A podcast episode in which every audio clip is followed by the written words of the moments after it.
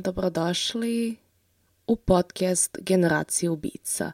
Ovo je specijalan podcast zato što je deo mog serijala 10 dana Božića na YouTube-u i iskreno moj plan jeste bio da napravim podcast epizodu nevezano za 10 dana Božića, ali da isto bude u tom fazonu. Međutim, morala sam da to spojim i da ovaj podcast, ova epizoda podcasta bude deo 10 dana Božića, zato što sam se prehladila i samim tim neko nisam bila baš u elementu za rad i um, da, malo su neki moji planovi za 10 dana Božića propali, ali dobro, to je u redu, svako stižemo sve.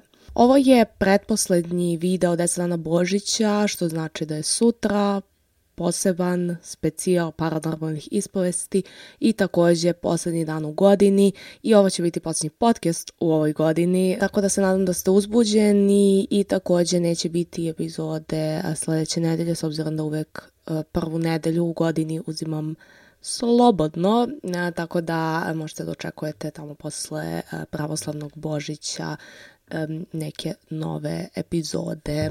Danas sam odabrala jednu temu koja je meni jako bila interesantna kada sam istraživala različite slučajeve koji su u nekom duhu Božića i jedna od tih priča jeste slučaj uh, koji je poznat pod nazivom Stagger Lee. Stagger Lee, ili kako je njegovo pravo ime, Lee Shelton, je američki kriminalac koji je postao folklorna figura nakon što je počinio ubistvo. Ubistvo je bilo jako čudno i neko inspirisano nekim nekim smešnim stvarima i ovaj zločin je učinila Lee Sheltona ikonom čvrstine i stila u glavama ranih folk i blues muzičara inspirisao popularnu narodnu pesmu Stagger Lee. Razlog zašto je ovo motivisalo i inspirisalo muzičare jeste zato što je navodno e, Shelton ubio čoveka zbog krađe njegovog e, Stetson šešira.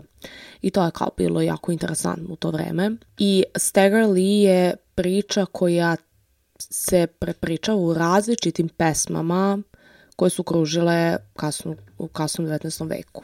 I ja sam želela da malo pričam o tome jer iskreno nisam imala pojma um, o pravoj priči za Stegarlija i bilo mi jako interesantno kada sam to saznala i mislila da bi bilo zanimljivo malo to prepričati u jednoj podcast epizodi. Iako pričamo o ubistvu, malo je više lighthearted, nije toliko strašno kao većina podcasta koje ja izbacujem, tako da ne želim baš da vas mnogo uništim u vreme praznika. Lee Shelton bio je afroamerikanac koji je rođen 1865. godine u Teksasu. Radio je kao kočijaš u St. Louisu, Mizuriju, gde stekao reputaciju makroa i kockara i jeste služio kao kockar e, u e, klubu 400, političkom i društvenom klubu sa sumnjivom reputacijom. I on takođe nije bio običan makro, um, već ga opisuju kao da je pripadao grupi grupe makroa koji su bili poznati u St. Louisu kao Max. On je dobio taj nadimak Stack Lee ili ti kao Jelen Lee, um, zato što su ga opisivali kao osobu koja nije imala prijatelja, a postoji druga varijacija da nadimak um, dobio uzeo od dobro poznatog čoveka, kapetana rečnog čamca po imenu Stack Lee. Nadimak je došao od rečnog broda koji je u vlasništvu porodice Lee iz Memfisa pod nazivom Stack Lee, koji je bio poznat po svojoj prostituciji na brodu. Njegov nadimak je kasnije izmenjen u razne druge oblike u narodnoj tradiciji, tako da imamo drugače varijacije tog nadima, nadimka i različite percepcije. U Božićnoj noći 1895. godine Shelton je upucao Williama Billija Lyonsa u salonu St. Louisa nakon svađe. Priča koja se pojavila u St. Louis uh, Globe Democrat 95. glasila je William Lyons, 25, U stomak i u čuveč u 10 sati u salonu Bila Kertisa u 11. Morgan ulici od strane Lee Sheldona, vozača kočije. Lyons i Sheldon su bili prijatelji i razgovarali su zajedno. Obe strane su izgleda pile i osjećali su se bujnog raspoloženja. Diskusija je prešla u politiku pa je pokrenuta svađa čiji je zaključak bio da je Loins oteo Sheldonu šešir sa glave. Ovaj drugi je ogorčeno zahtevao njegovo vraćanje, Lyons je to odbio i Sheldon je povukao revolver i pucao Lyonu u stomak. Kada je njegova žrtva pala na pod, Sheldon je uzeo šešir iz ruke ranjenika i hladnokrvno otišao. Nakon toga je uhapšen i zatvoren u stanici Chestnut Street. Lyons je odveden hitnom pomoći gde su mu rane konstatovane teškim i nije preživeo. Lee Shelton je takođe poznat kao Stag Lee. Shelton je suđen i osuđen je za zločin 1897. godine i osuđen na 25 godina zatvora. E, pušten je na uslovnoj slobodi 1909. ali je ponovo zatvoren dve godine kasnije zbog napada i pljačke. Pošto nije mogao da dobije ponovo uslovnu slobodu, preminuo je u bolnici državnog zatvorskog zatvora u Mizuriju u Jefferson City u 11. marta 1912. od tuberkuloze. Te noći kada je Shelton ubio čoveka, umro je čovek, ali se u isto vreme rodila legenda. Shelton ili ti Stag Lee biće obeležen u pesmi, postajući možda najznačajnija figura u afroameričkom folkloru.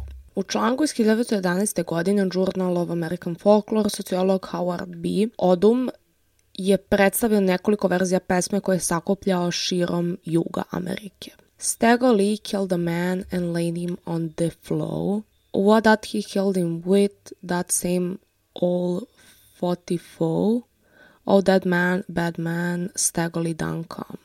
Um, ovo je jako teško prevesti, Um, uglavnom, mislim, priča da je Sagli ubio čoveka i položio ga na pod, sa čim ga je ubio sa um, starim 44, 44, kontom da se govori o pištolju koji je korišćen. O, taj čovek, loš čovek, Stegoli je završio i došao. Mississippi, John Herb, Cap Calloway, Woody Guthrie, James Brown, Wilson Pickett, Tina Turner, Bob Dylan i Beck su među stotinama koji su pevali verziju um, Stegli priče. Lloyd Price je 59. godine uzburkao izvoćenje pesme Stagger Lee i dospao na vrh pop top liste. Međutim, sve ove pesme u to vreme, iako su postigle jako veliki mainstream uspeh, nikada nisu ugrozile Stegov ulični kredibilitet. On je i dalje bio najgori koji je ikada živeo, um, kao najgori čovek koji je ikada živeo. Znači oni su i dalje smatrali njega izuzetno lošim čovekom, bez obzira što je u pesmama i u medijima postao nekakva velika ličnost. Naučnici afroameričkih studija se uglavnom slažu da su i protagonisti Macrow filmovima i 70. godina zapravo u neku ruku inspirisani Steglijem. Uprkos tendenciji narodnih priča da rastu, kanonska priča o Stagliju ostala je impresivno stabilna tokom godina. Stegli i dalje bio loš čovek koji se protivio da Billy Loins ukrade njegovog Stetsona. Billy se zalaže za svoj život, pozivajući se na svoju ženu i malu decu, ali Staga nemilosrdno pogubljuje pištoljom kalibra 44. St. Louis sa početka veka je bio muzičko mesto. Um, bio je kao kolevka ragtime i puno barova i pijanica koji su neprestano pretvarali sve što se dešavalo u pesmu. Tako da nije začuđujuće da se ovako nešto desilo i da je ovakva stvar, strašna stvar pretvorena u kao pesmu zato što je to ono što su oni radili u tom gradu u to vreme. Stegli je predstavljen kao loš čovek, međutim on imao krivični dosije, pre ovog ubistva, ovo je bilo jedina stvar za koju on nikada bio optužen, mislim nije mala stvar ubistva, ali kao nije bio neki kriminalac pre toga ili barem nikada nije bio uhvać, uhvaćen za to što god je radio. I takođe priča koja se širila o tome da je Billy imao ženu i decu je takođe bila e, znak pitanja zato što je na njegovoj umrlici navedeno da je on e, samac, to je da nema e, porodicu. Nešto što se primećuje da se dešava vremenom jeste da od te perspektive da je Stegli bio loš čovek i gde su u pesmama priča taj loš čovek, okrutni Steg Lee, um, priča kreće da se okreće, da, to je ton pesme kreće da se menja tokom 20. veka i sa, prelazimo sa neodobravanja onoga što je Stegli uradio do odobravanja. Implikacija je bila da je Stegli uvek bio loš i da je opasan i da ga se svi plaše.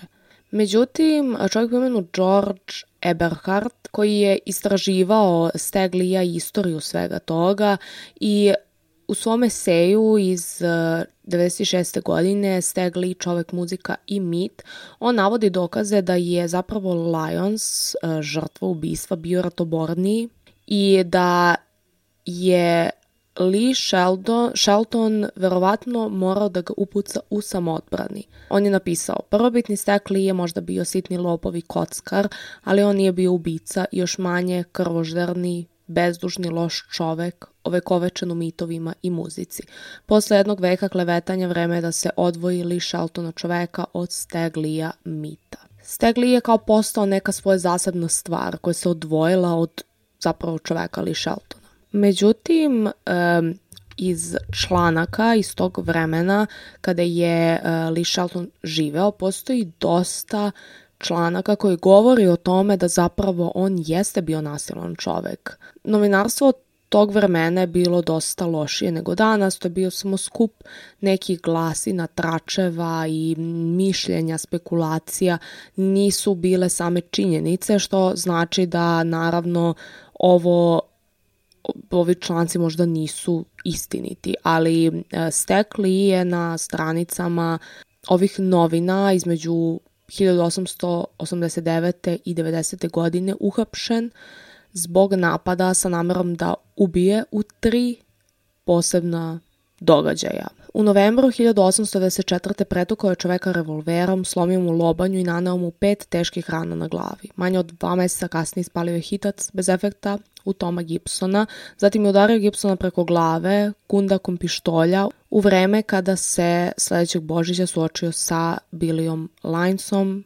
Udaranje ljude pištoljem je postala njegova specijalnost. I navodno na istrazi e, patologa tri svedoka su rekla da je e, Shelton udario Liona sa ovim pištoljem pre nego što je pucao u njega. Takođe u različitim vremenima je bio kažen zbog, zbog krađe zlatnog sata, takođe korišćenja opijuma prodavanje verovatno takođe opijuma. 892. je bio priveden zbog pljačke žene sa kojom je živeo i novine su ga nazvale ozloglašenim. Stanovnici ovog kvartovog grada su ga samo prozvali lošim čovekom. Kako je moguće da je toliko terorizao taj grad, a da nije zapravo imao dosije, jer navodno je jedini put kada je zapravo bio uhapšen e, za Bilijevo ubistvo. Pre toga nije bilo ničega. Da li možda taj dosije i te sada papirologija nije bila e, dobro odrađena i samim tim nisu bile informacije o svim njegovim zločinima. Jedan deo e, pesme govori Police officer, how can it be? You can rest everybody but cruel stack Oli. Policajce, kako je to moguće? Um, možete uhapsiti svakoga osim okrutnog stek Lija. Najjednostavniji odgovor za to zašto on zapravo nije bio nikada kažen i uhapšen za ono što je očigledno radio jeste bio rasizam. E, zato što su sve ljudi s kojima je on imao okrošaje bili um, ljudi crne boje kože, um, što bi značilo da policiju neće mnogo interesovati njegove žrtve. Članak iz novina iz 96. otkriva stav, e, 896. otkriva stav među belim stanovnicima St. Louisa prema ubijanju crnaca Bukvalno nikoga nije bilo briga za crno stanovništvo. Jedini razlog zašto je Lee Shelton bio konačno uhapšen za ovo ubistvo nije samo zato što je ubio čoveka, već zato što je ubio pogrešnog čoveka, jer je Billy Lyons bio zet Henrya Bridgewatera, koji je bio uticajni vlasnik salona i jedan od najbogatijih crnaca u St. Louisu u to vreme, što bi značilo da je imao neku moć u gradu koju drugi ljudi nisu imali. Međutim, Stekli je takođe imao dobre veze u gradu, što može dodatno objasniti zašto e, se njegovo suđenje toliko dugo razvlačilo i moralo da bude odlože, odloženo, jer dva glavna svedoka nisu mogla da budu pronađena. I verovalo se da su plaćeni da napuste grad. E, Shelton je bio veoma popularan među onima iz svoje klase u trećem policijskom okrugu i nije bio bez sredstava. U vreme kada se njegovo prvo suđenje završilo pred poratom, Shelton je bio tema popularne zatvorske balade Početkom 827. reporter Kansas City Stara prepisao neke pesme koje su često izvodili zatvorenici crnci u gradskom zatvoru, uključujući Stagger Lee, uvoz iz St. Louisa. Staka Lee, can't you see that is murder in the first degree? Oh, how I wonder what they'll do when Stack Lee has his trial through. Stack Lee, zar ne vidite da je to ubistvo prvog stepena? O, kako se pitam šta li će uraditi kada Stack Lee završe svojim suđenjem. Shelton je, kao što sam već pomenula, na kraju osuđen, ali za ubistvo drugog stepena i dobio je 25 godina zatvora. E, u svu, mislim, u svu stilsku tematsku raznolikost ovih e, pesama sve pesme jednoglasno govore da je Bill Lance imao ženu i decu i da se uvek na isti način obraća Stagliju gde kaže Please don't take my life, I've got two little babies and a darling loving wife. Molim te da oduzimaj mi život, imam dve male bebe i dragu voljenu ženu. Ono što saznajemo prema svedočenju um, koje je dao patolog jeste da La, se Lance nije žalio na svoju ženu i decu i nije žalio za svojom ženom i decom zato što ih nije imao. Njegova umrlica ga srstavala u samce. Nijednom od zvaničnih zapisa ili novinskih izveštaja se ne pominju deca ili uh, ta voljena žena Williama Lyonsa. Međutim, e, zapravo se pojavljaju dvoje ljudi, Suzy May Miles i Arthur Betty Johnson, koji su iz St. Louisiane i oni su tvrdili da su praunuci e, Bilija Lionsa.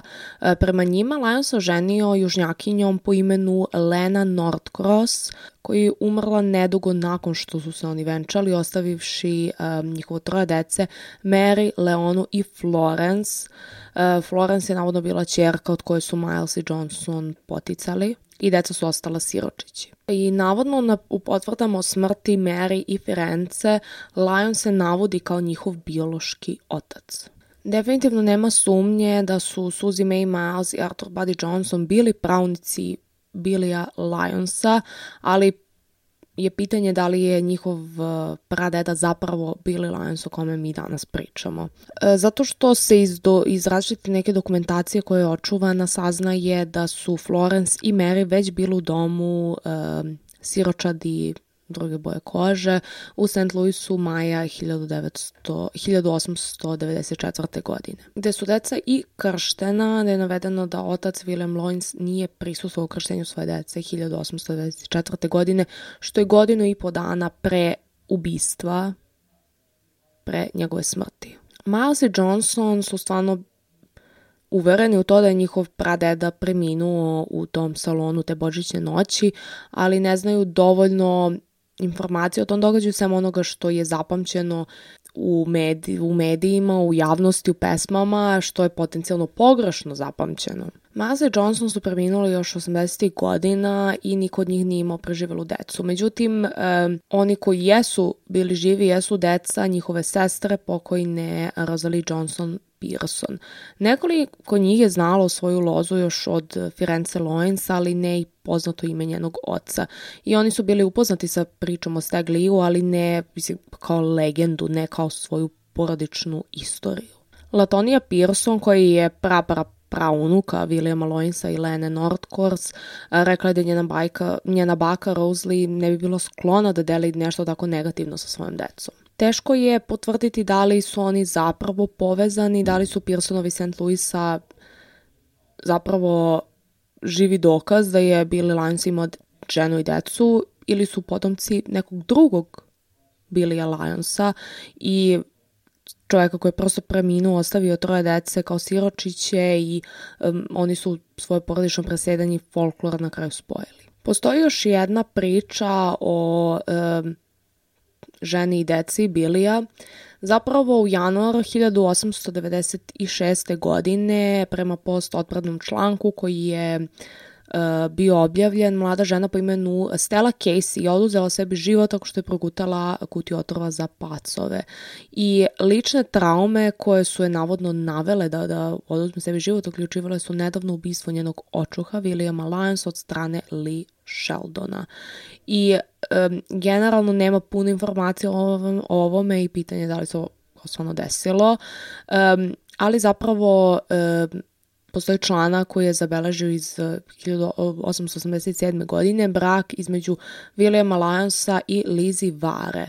Eh, Lizzie Vare je bila mlada afroamerikanka, udovica koja imala dve čerke, Adam koja imala pet godina i Estelom koja imala osam godina.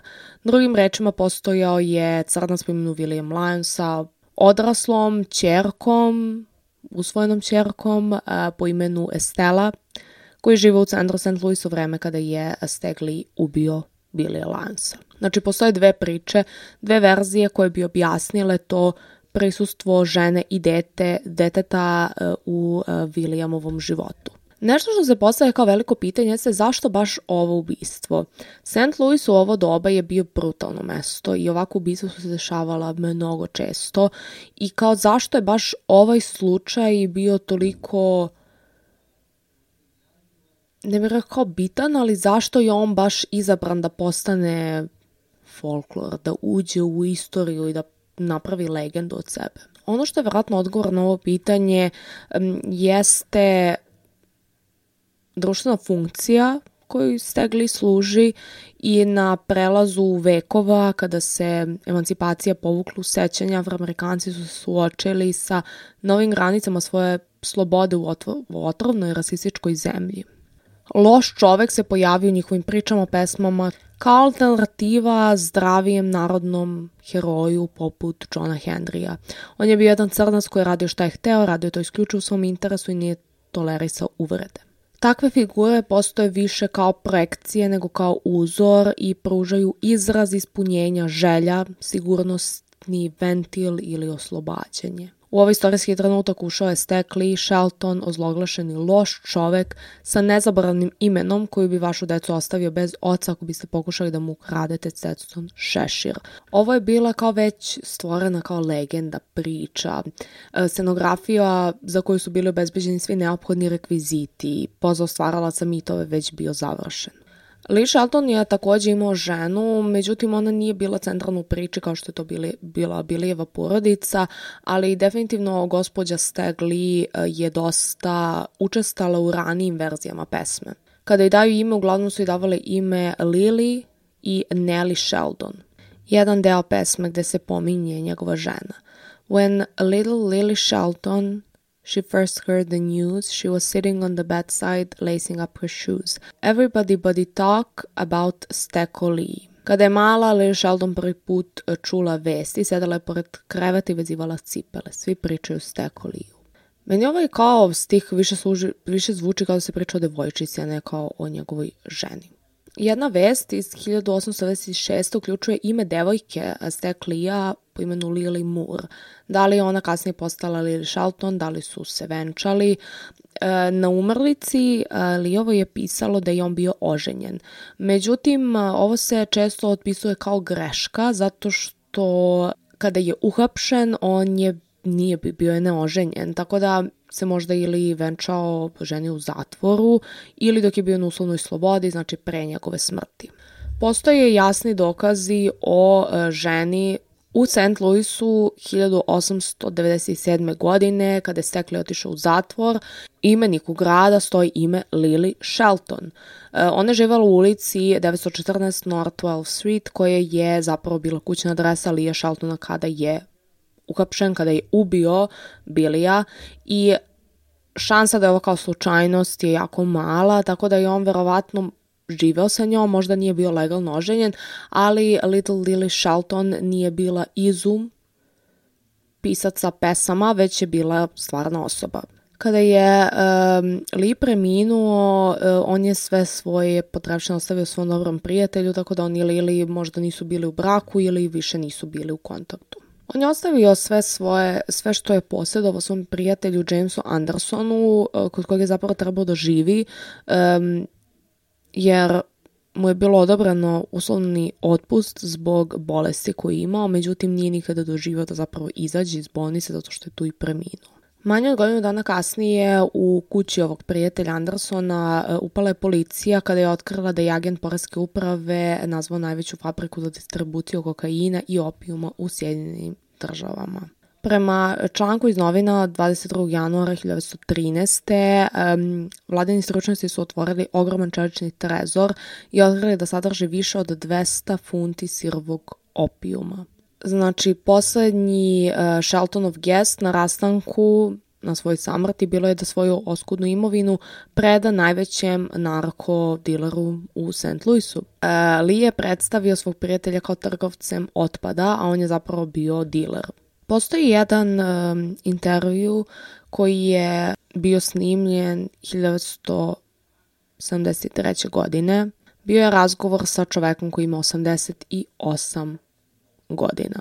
Čovjek po imenu Ed McKinney koji je bio muzičar, koji je poznavao istoriju St. Louisa i u ovom intervju on je rekao da sećam se Steklija i David, čovek koji je vršio ovaj intervju, pitao ga je da li je ikada postojala osoba koja se tako zvala i onda je on rekao Stack Lee se zvao Lee Sheldon. I to je bio prvi put da je iko rekao da je Stack Lee zapravo stvarna osoba i da je njegovo ime Lee Shelton. Tako da je to bio kao ogroman trenutak da se saznalo, da se saznao pravi identitet Steglija.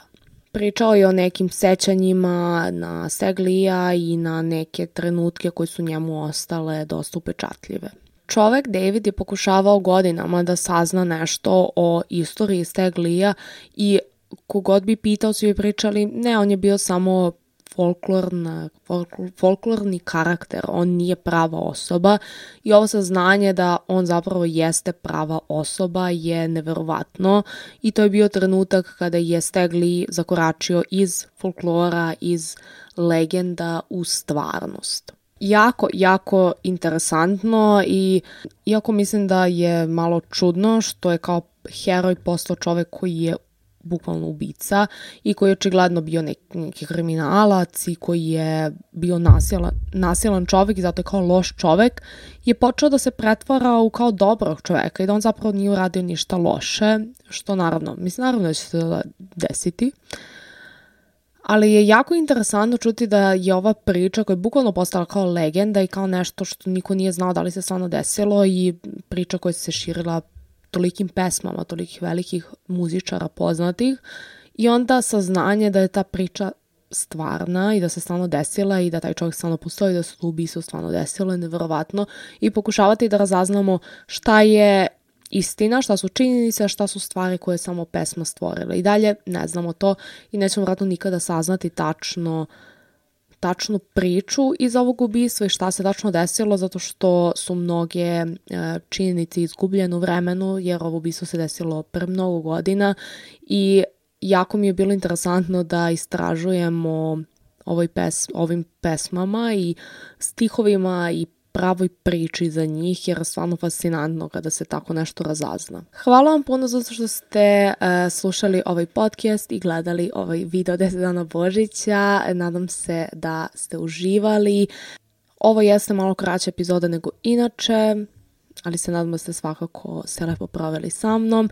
E, ovo je poslednji podcast ovoj godini, tako da želim da vam poželim e, srećne praznike, srećnu novu godinu i da vam um, naredna godina bude najbolja do sada. I um, da, ako ste na YouTube-u, vidimo se sutra sa poslednjim danom 10 dana Božića i da, To je to. Hvala vam puno što ste gledali. Zapratite me na društvenim mrežama da ne biste ništa propustili u mom životu, da biste bili u toku dok me nema na YouTube-u i na ostalim um, platformama na kojima slušate podcast. A mi se vidimo sledeće godine sa novom podcast epizodom. Ćao!